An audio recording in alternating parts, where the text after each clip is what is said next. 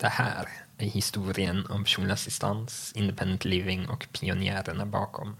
Det här är historien om stil. Det här är vår historia.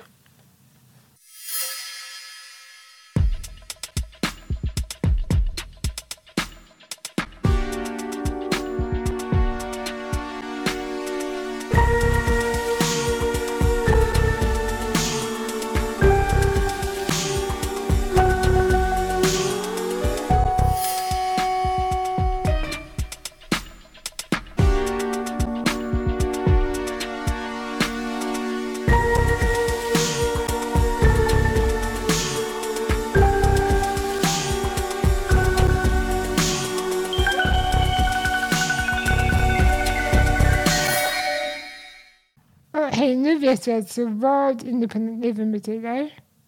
Vi vet vad independent living inte är, det vill säga institutioner. Det var det vi hade inom personlig assistans. Nu är det dags för personlig assistans. Nu vill vi prata om hur, vad var stil, hur kom stil till, vad var stilprojektet, hur fick vi personlig assistans. Vi har inte berättat den historien men det kan vara pionjärer. Och vi börjar med Adolf. Jag hade levt fem år på institution men lyckades ta mig ut därifrån efter fem år med mycket tur genom att jag hade tur att vinna ett stipendium som möjliggjorde det för mig att läsa i USA. Och det intressanta var att stipendiet också innehöll pengar vad vi idag skulle kalla för kontantstöd för inköp av vad vi idag kallar för personlig assistans. Och uh, då åkte jag alltså med de här pengarna till Kalifornien och uh, var där i uh, över sju år. Och sedan juni 66 hade jag haft personlig assistans som inte fanns som beteckning då. Man skulle det i Kalifornien ha kallat för uh, personal attendant care eller något liknande. Uh, sen dess har jag alltså anställd. När jag kom till Sverige det gjorde jag på grund av ett forskningsuppdrag som jag fick från Tyskland och där hade jag också ett budget för assistans.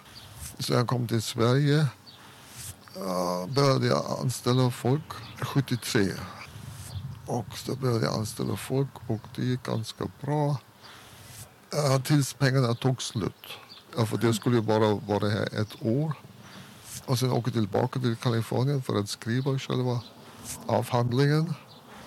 Men det tog mycket längre än jag någonsin hade trott.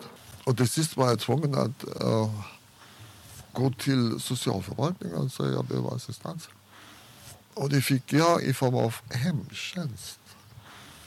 Och det funkade inte alls såklart. Jag fick ofta ligga i sängen och ingen kom. Oj, oj, oj, nu har vi... Nej, vi har ingen. Det är, det är influensaepidemi och vi har ingen. Ja, vi ska kolla med Täby kommun om de kan låna oss någon etc. På det planet var det. Jag bodde på Lappkärrsberget, studentbostadsområdet här i stan. Och sen hade de svårt att hitta folk åt mig. Men jag bodde ju mitt under student, studerande. Så jag insåg efter några år, två, ja, ett år tror jag, att jag kunde göra det lätt för mig och började tala med vänner, grannar och i någon tid hade jag en team. Och så kom jag överens med socialförvaltningen. Jag skickade dem, de som jag hade rekryterat, och att, för att socialförvaltningen skulle anställa dem. Och det gjorde de igenom. De hade haft så mycket problem med mig. Jag var så besvärlig därför de ville gå upp klockan sju och ville lägga mig ganska sent. Och eh, nej, det gick inte. Men nu var de av med mig. Och, och jag var av med dem. Så det kallade jag för steg ett. Med förståelsen att steg två skulle vara det perfekta. Och eh, jag tyckte att det var anmärkningsvärt att ett land som hade satsat så mycket materiella res- resurser. Hemtjänst är inte billigt, bonus är inte billigt. Att det, resultatet var så, så dåligt. Därför om man tittade på folks livskvalitet. Det var få som läste på universitet. Därför att, att komma upp på morgonen så tidigt, att, ha, att kunna planera en vecka i framtid. Det gick ju inte därför att som en av, eh, det var faktiskt Stockholms avdelningens, nej hon var Kerstin Denker t- tänker på, hon var byråchef på Socialstyrelsen och hon var samtidigt uh, DHR-förbunds, vad säger man, nu, ordförande. Och hon var en konferens där jag också var. Och med gråt i halsen berättade hon att just den här veckan hade hon varit tvungen att ta, att ta två dagar ledig från arbetet därför att det var ett ont om personal på, på hennes boendeserviceanläggning. Och den som kom hade ingen aning om hennes rutin. Så hon fick börja från början att berätta. Vad... Och när färdtjänsten knackade på, knackade på dörren då var hon fortfarande i sängen och kunde inte åka med. Och då var hon tvungen att ringa och säga att jag tar, jag tar semesterledig idag. Så, så var situationen. Och 1983 bjöd jag in mina kompisar Ed Roberts från uh, Berkeley och uh, Judy Human som också på den tiden jobbade uh, i Berkeley. Plus ehm, um, två uh, som jag kände från Storbritannien som också var engagerade i Independent Living. Det var Ken Davis och Neil Slatter.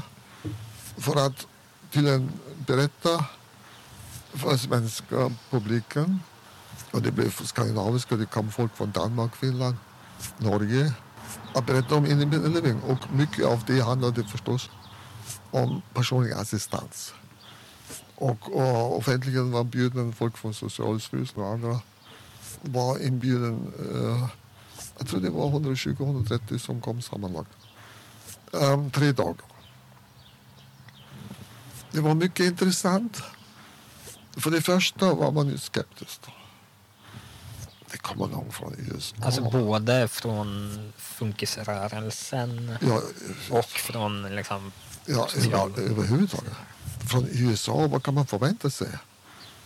Jag kommer ihåg 1983, Vietnamkriget hade just ja, blivit avslutat. Och det fanns sociala orättvisor, det fanns hemlösa, i alla fall mer än här på den tiden. Nej, det fanns väl inte någonting man kunde lära sig från dem. Och eh, vittnesmål som de hade berättat. Ja, men det, det, det är bara för eliten i bästa fall.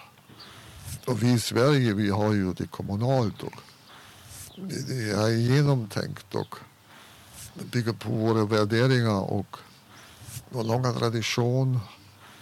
Och det du berättar om de här 67 olika personer i en enda månad som kommer som sin, din assistent inom boendeservice, det är ett skräckexempel.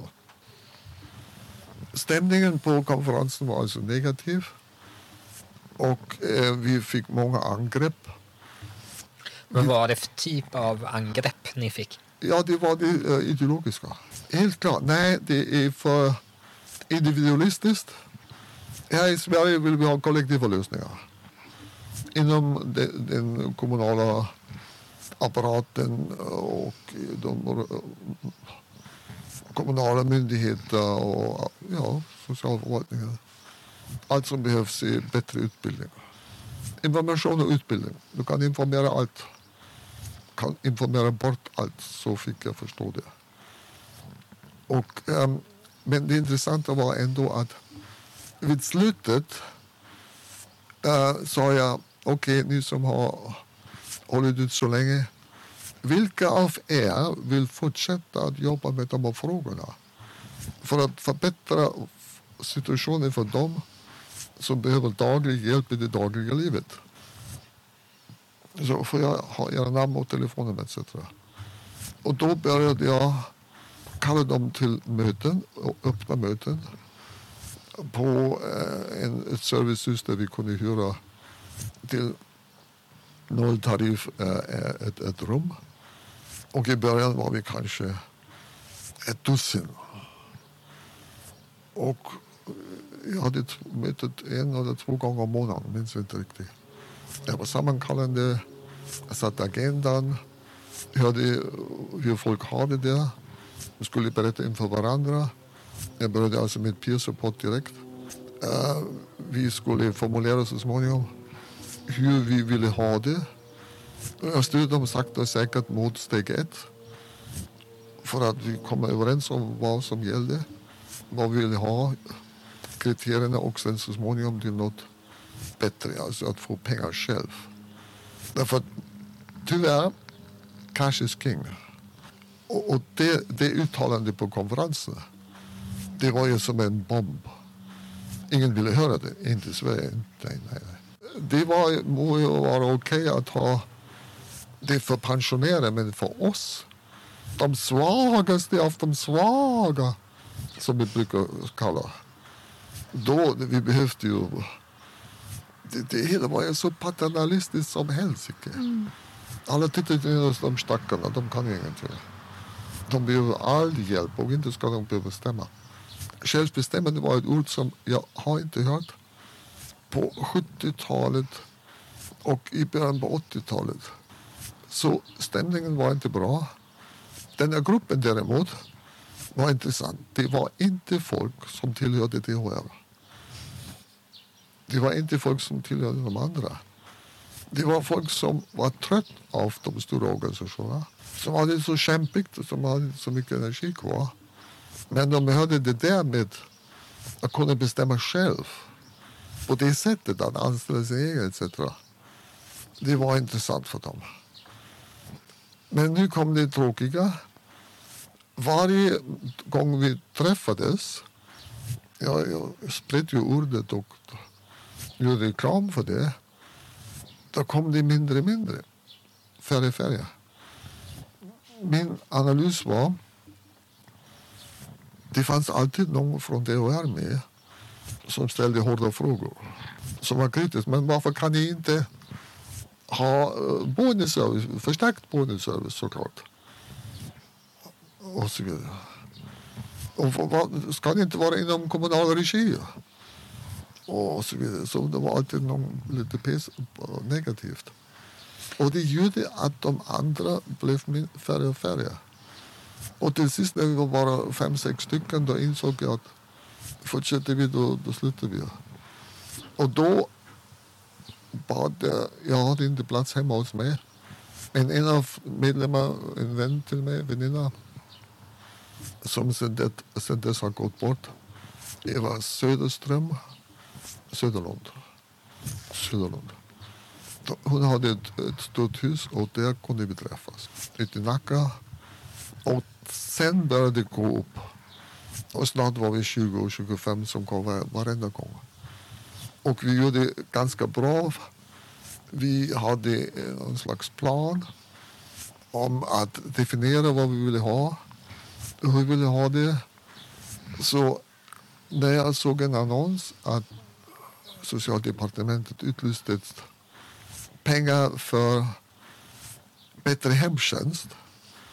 Då uh, skrev jag ansökan och sökte för det som sedan skulle bli uh, stilprojektet. Så var det, vi fick pengarna, vi satte igång 87 i januari. Så det var situationen att vi hade boendeservice, vi hade hemtjänst och eh, samhället hade trott att det skulle räcka för oss. Eh, en gång var vi fem stycken i elektriska rullstolar som hade bestämt tid med um, socialborgarrådet Bogna. Ja, tiden måste ha varit uh, ja, 85, tror jag. Ungefär. Och när vi sa att vi kan aldrig åka på semester. Därför att vi har inga assistenter som förbereder hemtjänstpersonal. Går inte boendeservicepersonal, går inte heller. Om ni inte har familj eller kompisar som följer med. Ja, det har vi aldrig tänkt på. Hon var ärlig nog. Jag uppskattade henne verkligen. Det ska vi ta hem. Sådana saker. Det hade man inte tänkt på. Det andra är när man berättar till socialbagarundeborna hur det går till på vårt plan, på vår nivå.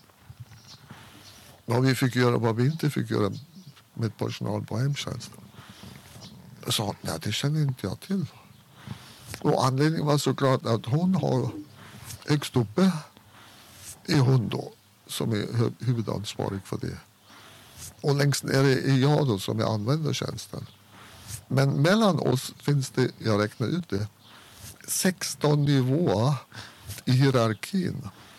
Så när de gör någon beslutbestämmelse där uppe, några regler, tills de kommer ner, då har de från varje nivå till nästa neråt, har du en viss grad av självcensur.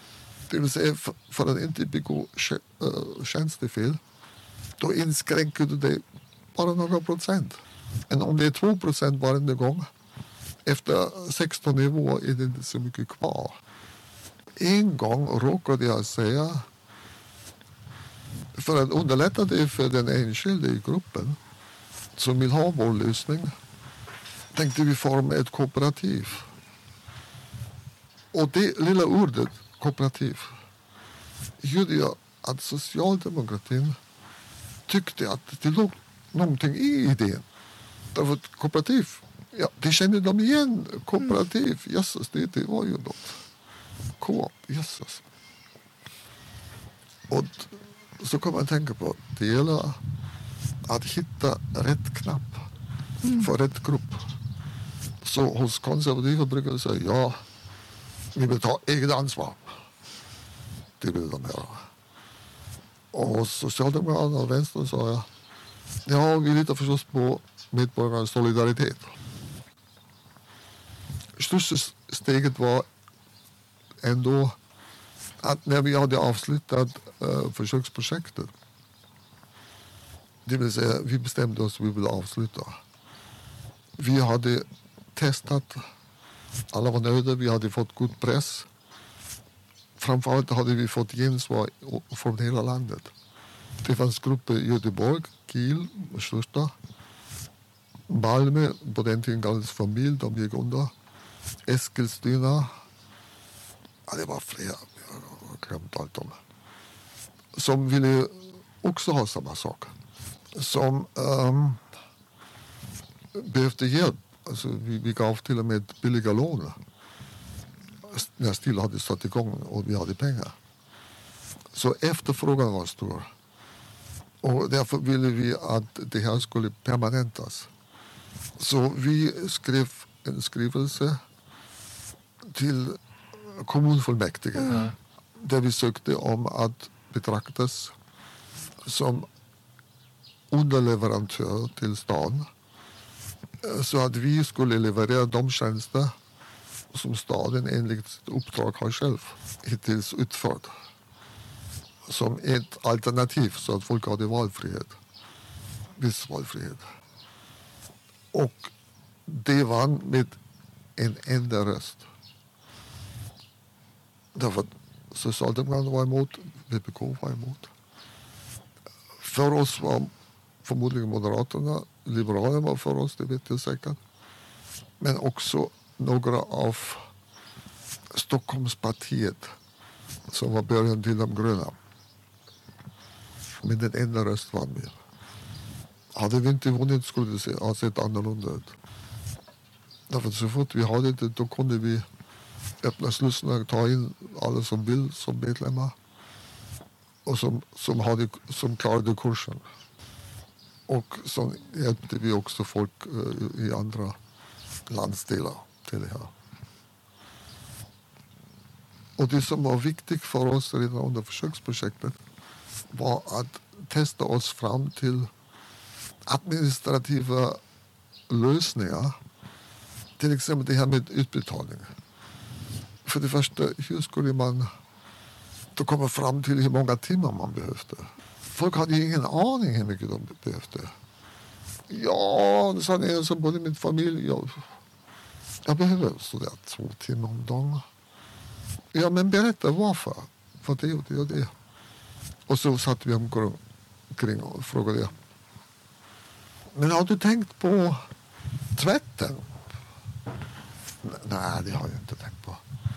Och så sa jag, men tänk om du skulle leva ensam utan din stora familj. Hur skulle du klara då?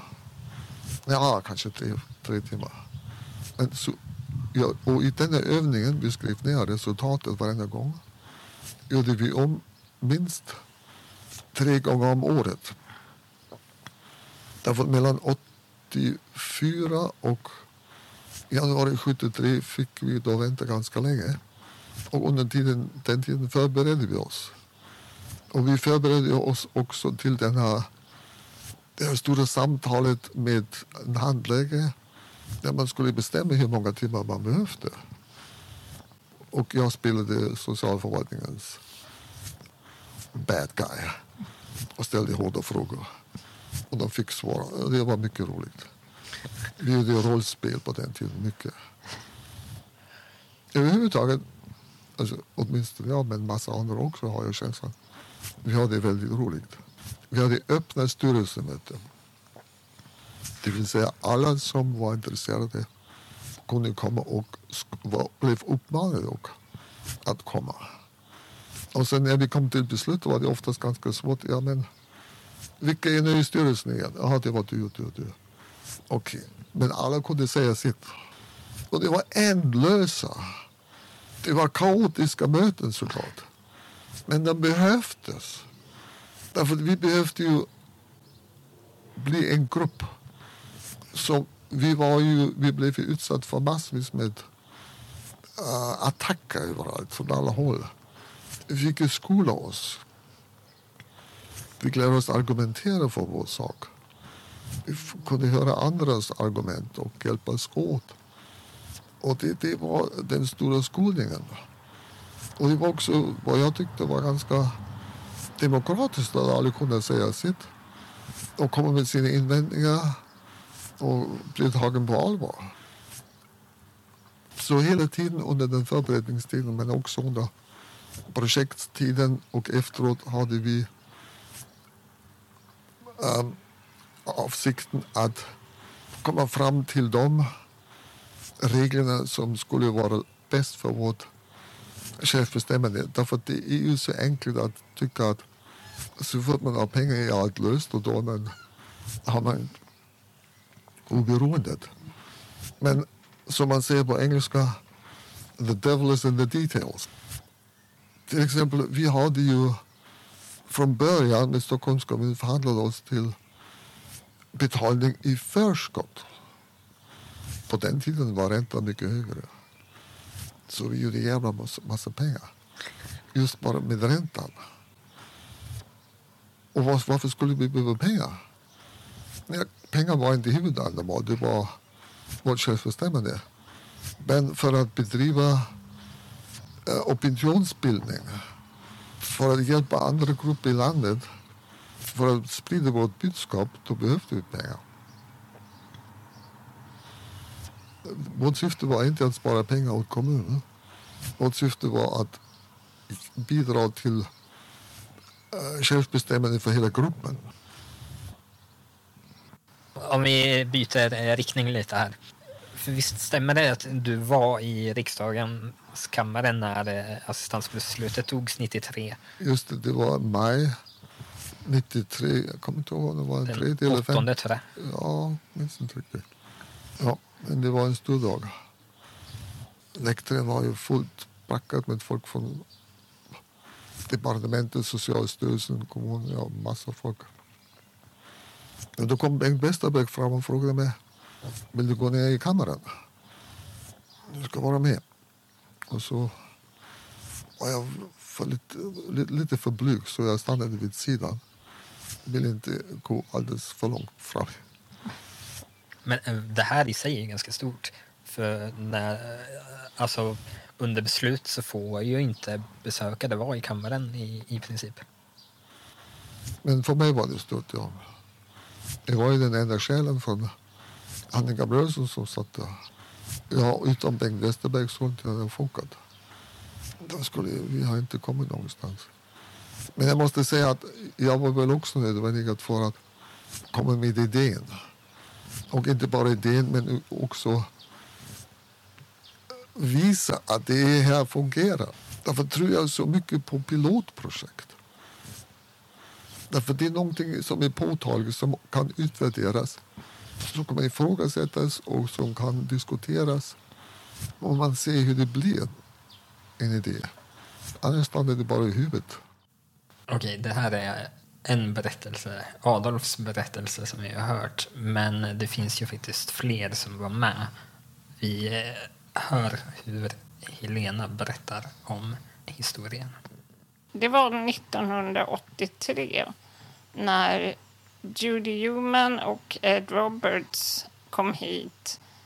Um, ja, självklart genom Adolf Ratzka som ju hade bjudit hit dem för att berätta om personlig assistans och IR-rörelsen men också om eh, deras eh, antidiskrimineringslagstiftning. Jag hade fått reda på det på något sätt. Och det var ju genom DHR, eh, tror jag. Jag var där, lyssnade på dem som så många andra. Och sen så blev det ju så att Adolf bjöd in till möten med oss som var intresserade av personlig assistans. För det var ju det som blev grejen sen. Men jag var 20 och eh, bodde på eh, någonting som heter boendeservice. Det var ju liksom eh, som ett sånt här servicehem. Det var ju lägenheter, handikapplägenheter som eh, var insprängda i ett hyreshus. Jag minns att DHR, det var jävligt viktigt för dem att få säga att det var, ja, men att det var normalt. Att det, att det, vi menade att det var institution. Och det var ju när jag också träffade Adolf som jag upptäckte så mycket sådana saker. Jag var ju tvungen att flytta, söka asyl, som Adolf säger, eller sa, i ett annat socialdistrikt. För på Söder, där jag bodde och gärna hade velat bo kvar så vägrade man. Det var ju alla olika distrikt som beviljade var för sig. Mitt distrikt på Söder vägrade höra talas om personlig assistans. Så jag fick alltså flytta till Vasastan. Så jag flyttade dit ansökte om 24 timmar dygnet för det var ju liksom det enda sätt för mig att överleva. Och fick det av en fantastisk, ja, hon var socialinspektör eller vad de hette då.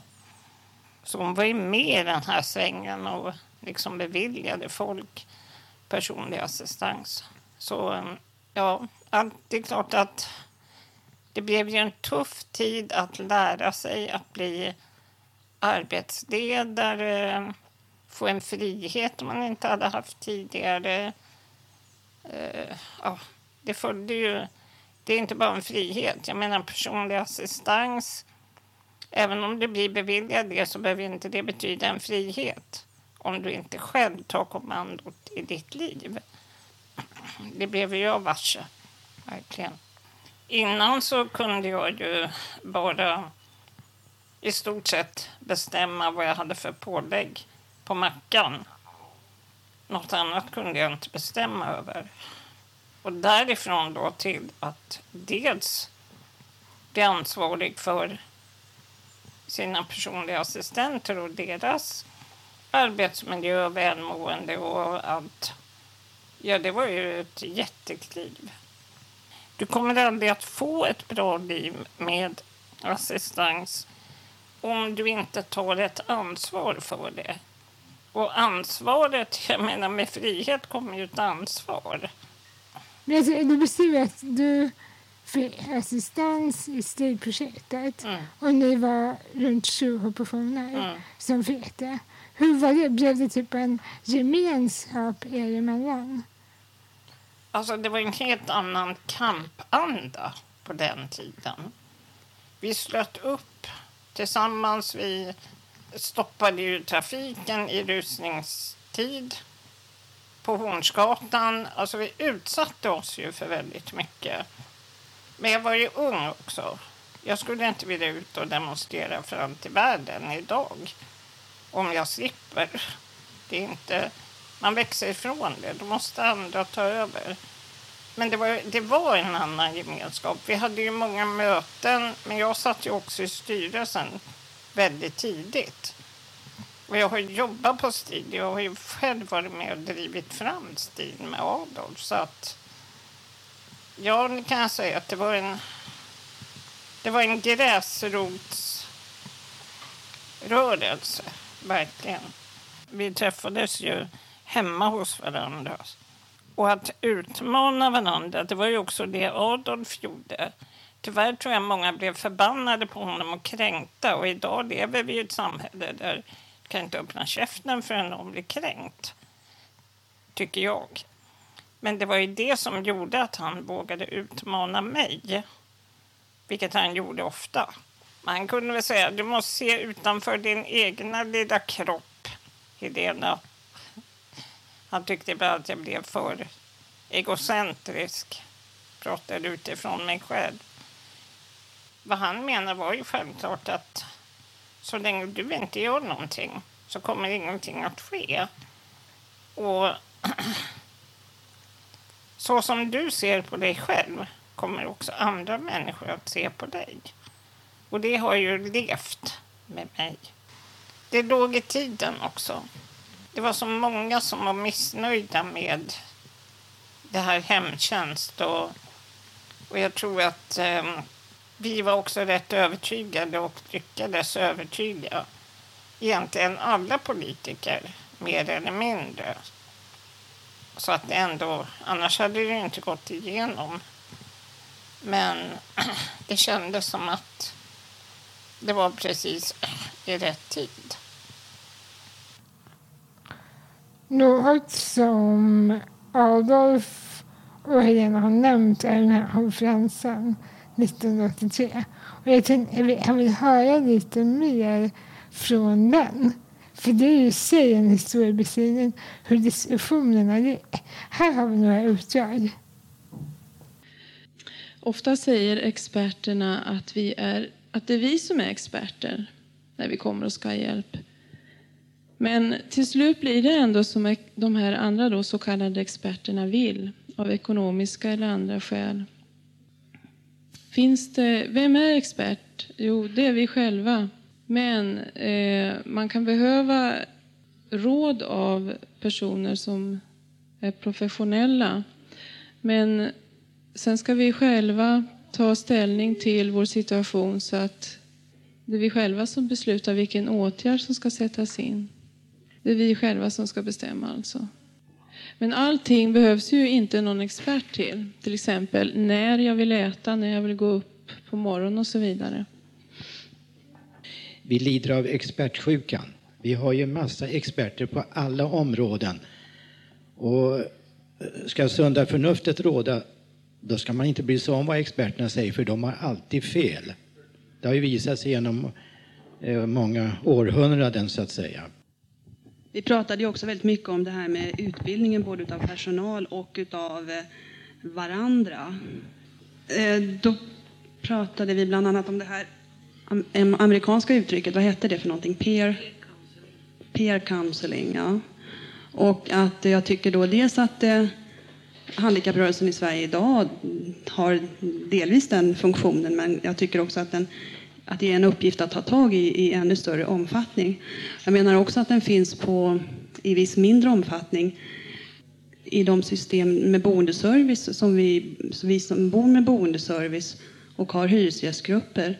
där vi träffas och där också den funktionen är viktig att skola varandra och en annan funktion är naturligtvis då att agera utåt gentemot eller tillsammans, det beror på vad frågan handlar om, personalgruppen. Vad många ryggade inför med det här nu independent living att jag uh, agerar som arbetsgivare är väl att det ställs uh, stora krav på mig. Jag måste själv organisera. Jag ska anställa då, då kanske personen inte kommer. Och det kan vara problem vid helger, till exempel jul. Då är alla upptagna. Det är ingen som vill komma till mig. Vem hjälper mig då?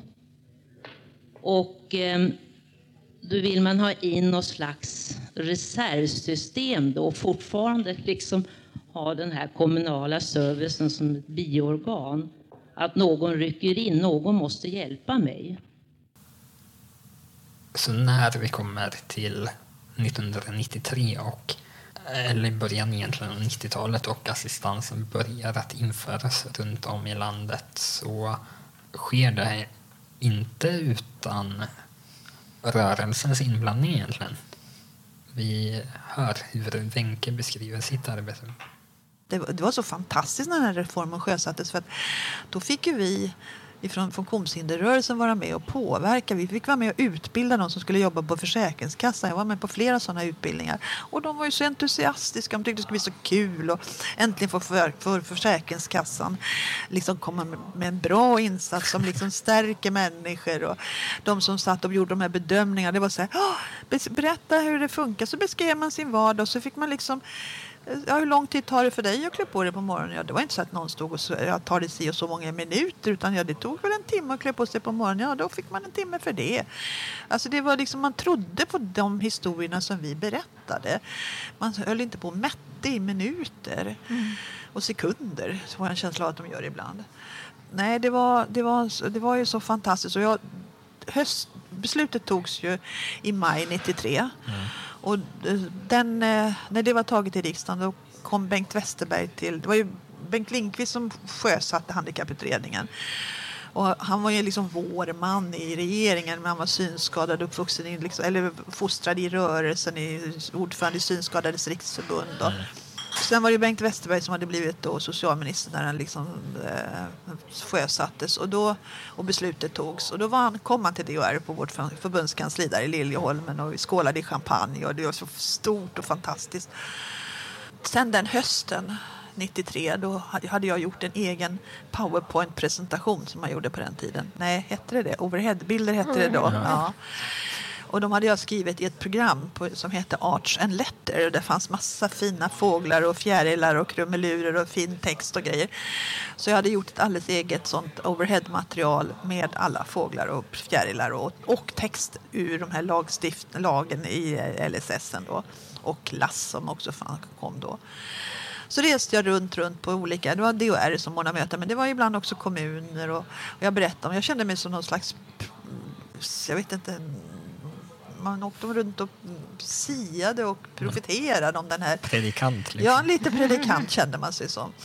Och jag brukar berätta om en gång jag var i någon slags mellansvensk stad någonstans och stod på en scen och visade mina overheadbilder och med fjärilar och, och också beskrev det. Så här bedömer vi att man kan tolka den här lagstiftningen. Och framförallt var det ju fokuserat på, på assistansen för de andra insatserna berörde inte oss lika mycket som ur ett rörelsehinderperspektiv utan det var ju assistansen som var den stora insatsen, 9.2 då. Och då sitter det en herre nedanför scenen, eh, så jag tittar ner på honom, som begär ordet, en lite äldre herre som då jag visste att han var socialnämndsordförande. Så begär han ordet och så säger han så här, men det förstår du väl, säger han. Och så säger han inte flicka lilla fast han tänker det. Men så det förstår du väl, säger han. Det här kommer ju aldrig bli verklighet. Då tänkte sa jag, men nu är det så här, gubbe lilla tänkte jag, fast jag sa inte det. Att det här är redan taget i riksdagen i år, i maj. Så det här träder i kraft till årsskiftet nu. Och då såg han ut som en fågelholk, för det var det så läget var. Kommunerna hade inte hunnit med i hela den här utredningen och de var inte på banan. Därför så liksom, ja, blev vår roll viktig. Vi var ute och informerade och spred liksom väldigt mycket våra tankar och så. Så Emma, nu har vi lyssnat i typ en evighet på när eh, förlåt, pionjärerna berättar historien. Vad, vad är din... Vad tänker du? Jag tänker många saker. Jag tänker dels på det Adolf berättar om liksom, att komma hit och ta med sig de här idéerna. Jag tänker på hur en oerhört osvensk metod det här ändå var från början. Jag tänker på hur vi hur svårt det ändå måste ha varit att ta till sig. Man har blivit liksom uppfostrad och inlärd och itutad att självbestämmande det är ingenting man funderar över. Utan det gäller att överleva institutionerna. Det gäller att på något sätt klara av att leva i ett samhälle som hatar dig. Det gäller att överleva, inte att leva. Och sen så får man helt plötsligt höra nej men du, han bestämmer över ditt eget liv. Och då, det här har jag tänkt mycket på, då pratar man om ansvar. Det första man säger är inte åh, jag vi säga ge dig frihet. Utan det du får frihet under ansvar. Jag förstår att det var läskigt.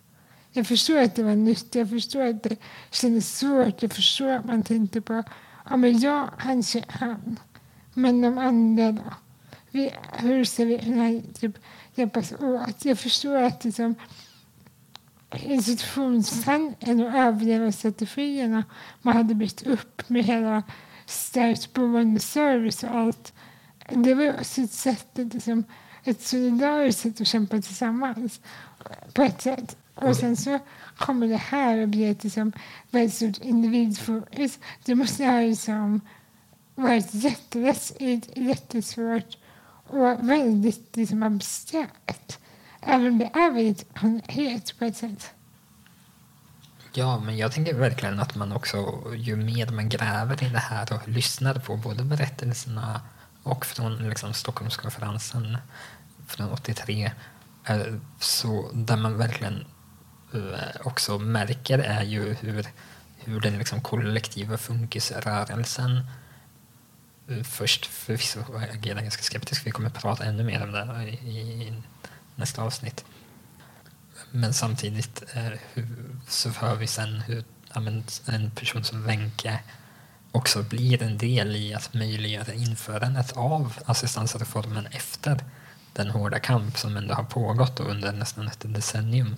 Det i sig tycker jag är en styrka och ett eh, styrkebesked av den kollektiva organiseringen som, som eh, handikapprörelsen på den här tiden ändå eh, Eh, präglas av och som verkligen också är så symptomatiskt för, en, för svensk folkrörelse egentligen. Eh, och, och, det är väldigt så här, men det kommer den här väldigt radikala tanken med independent living eh, och det krockar lite med de, det samhälle som, som råder i Sverige men man tar sig ändå till sig det här kollektivt och eh, försöker bygga någonting på det eh, från liksom folkrörelsesidan. Så jag kan verkligen tycka att det, det är väldigt spännande dynamik liksom, i den miljön och det är så häftigt också att eh, vi sitter här med ett material som faktiskt synliggör just det här.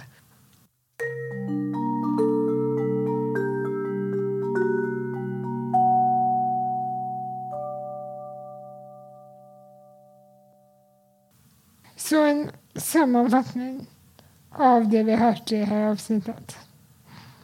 Vi har fått höra olika personer berätta om historien av hur den personliga assistansen kom till i Sverige. Den personliga assistansen började som en idé, kan man säga. Det, ja, det började som en idé på typ runt 60-talet i USA. Men vi har egentligen börjat prata om det här utifrån en konferens som ägde rum 1983. Den personliga assistansen bygger på independent living, alltså på självbestämmande och rätten till att bestämma över sitt eget liv. Det var massa diskussion. Det var för, det var emot, det var olika sidor som sa olika saker. Till slut nådde man konsensus och det här blev en reform som klubbades 1993. Och den här reformen har gjort att personer idag har rätt till personlig assistans som alltså är en service, kan man säga, för att kunna leva självbestämt.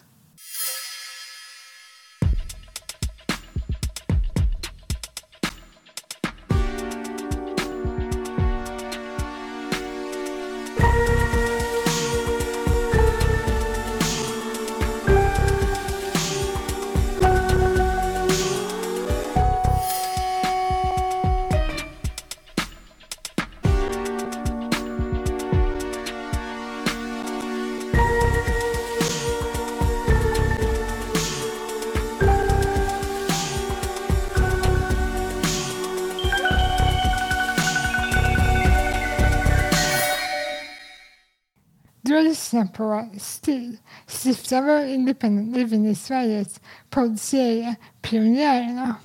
Producerat av Fulla Rulle, Emma Åstrand och Tobias Holmberg. Musik av Anders Åstrand och ljud bearbetat av Thomas Bolin.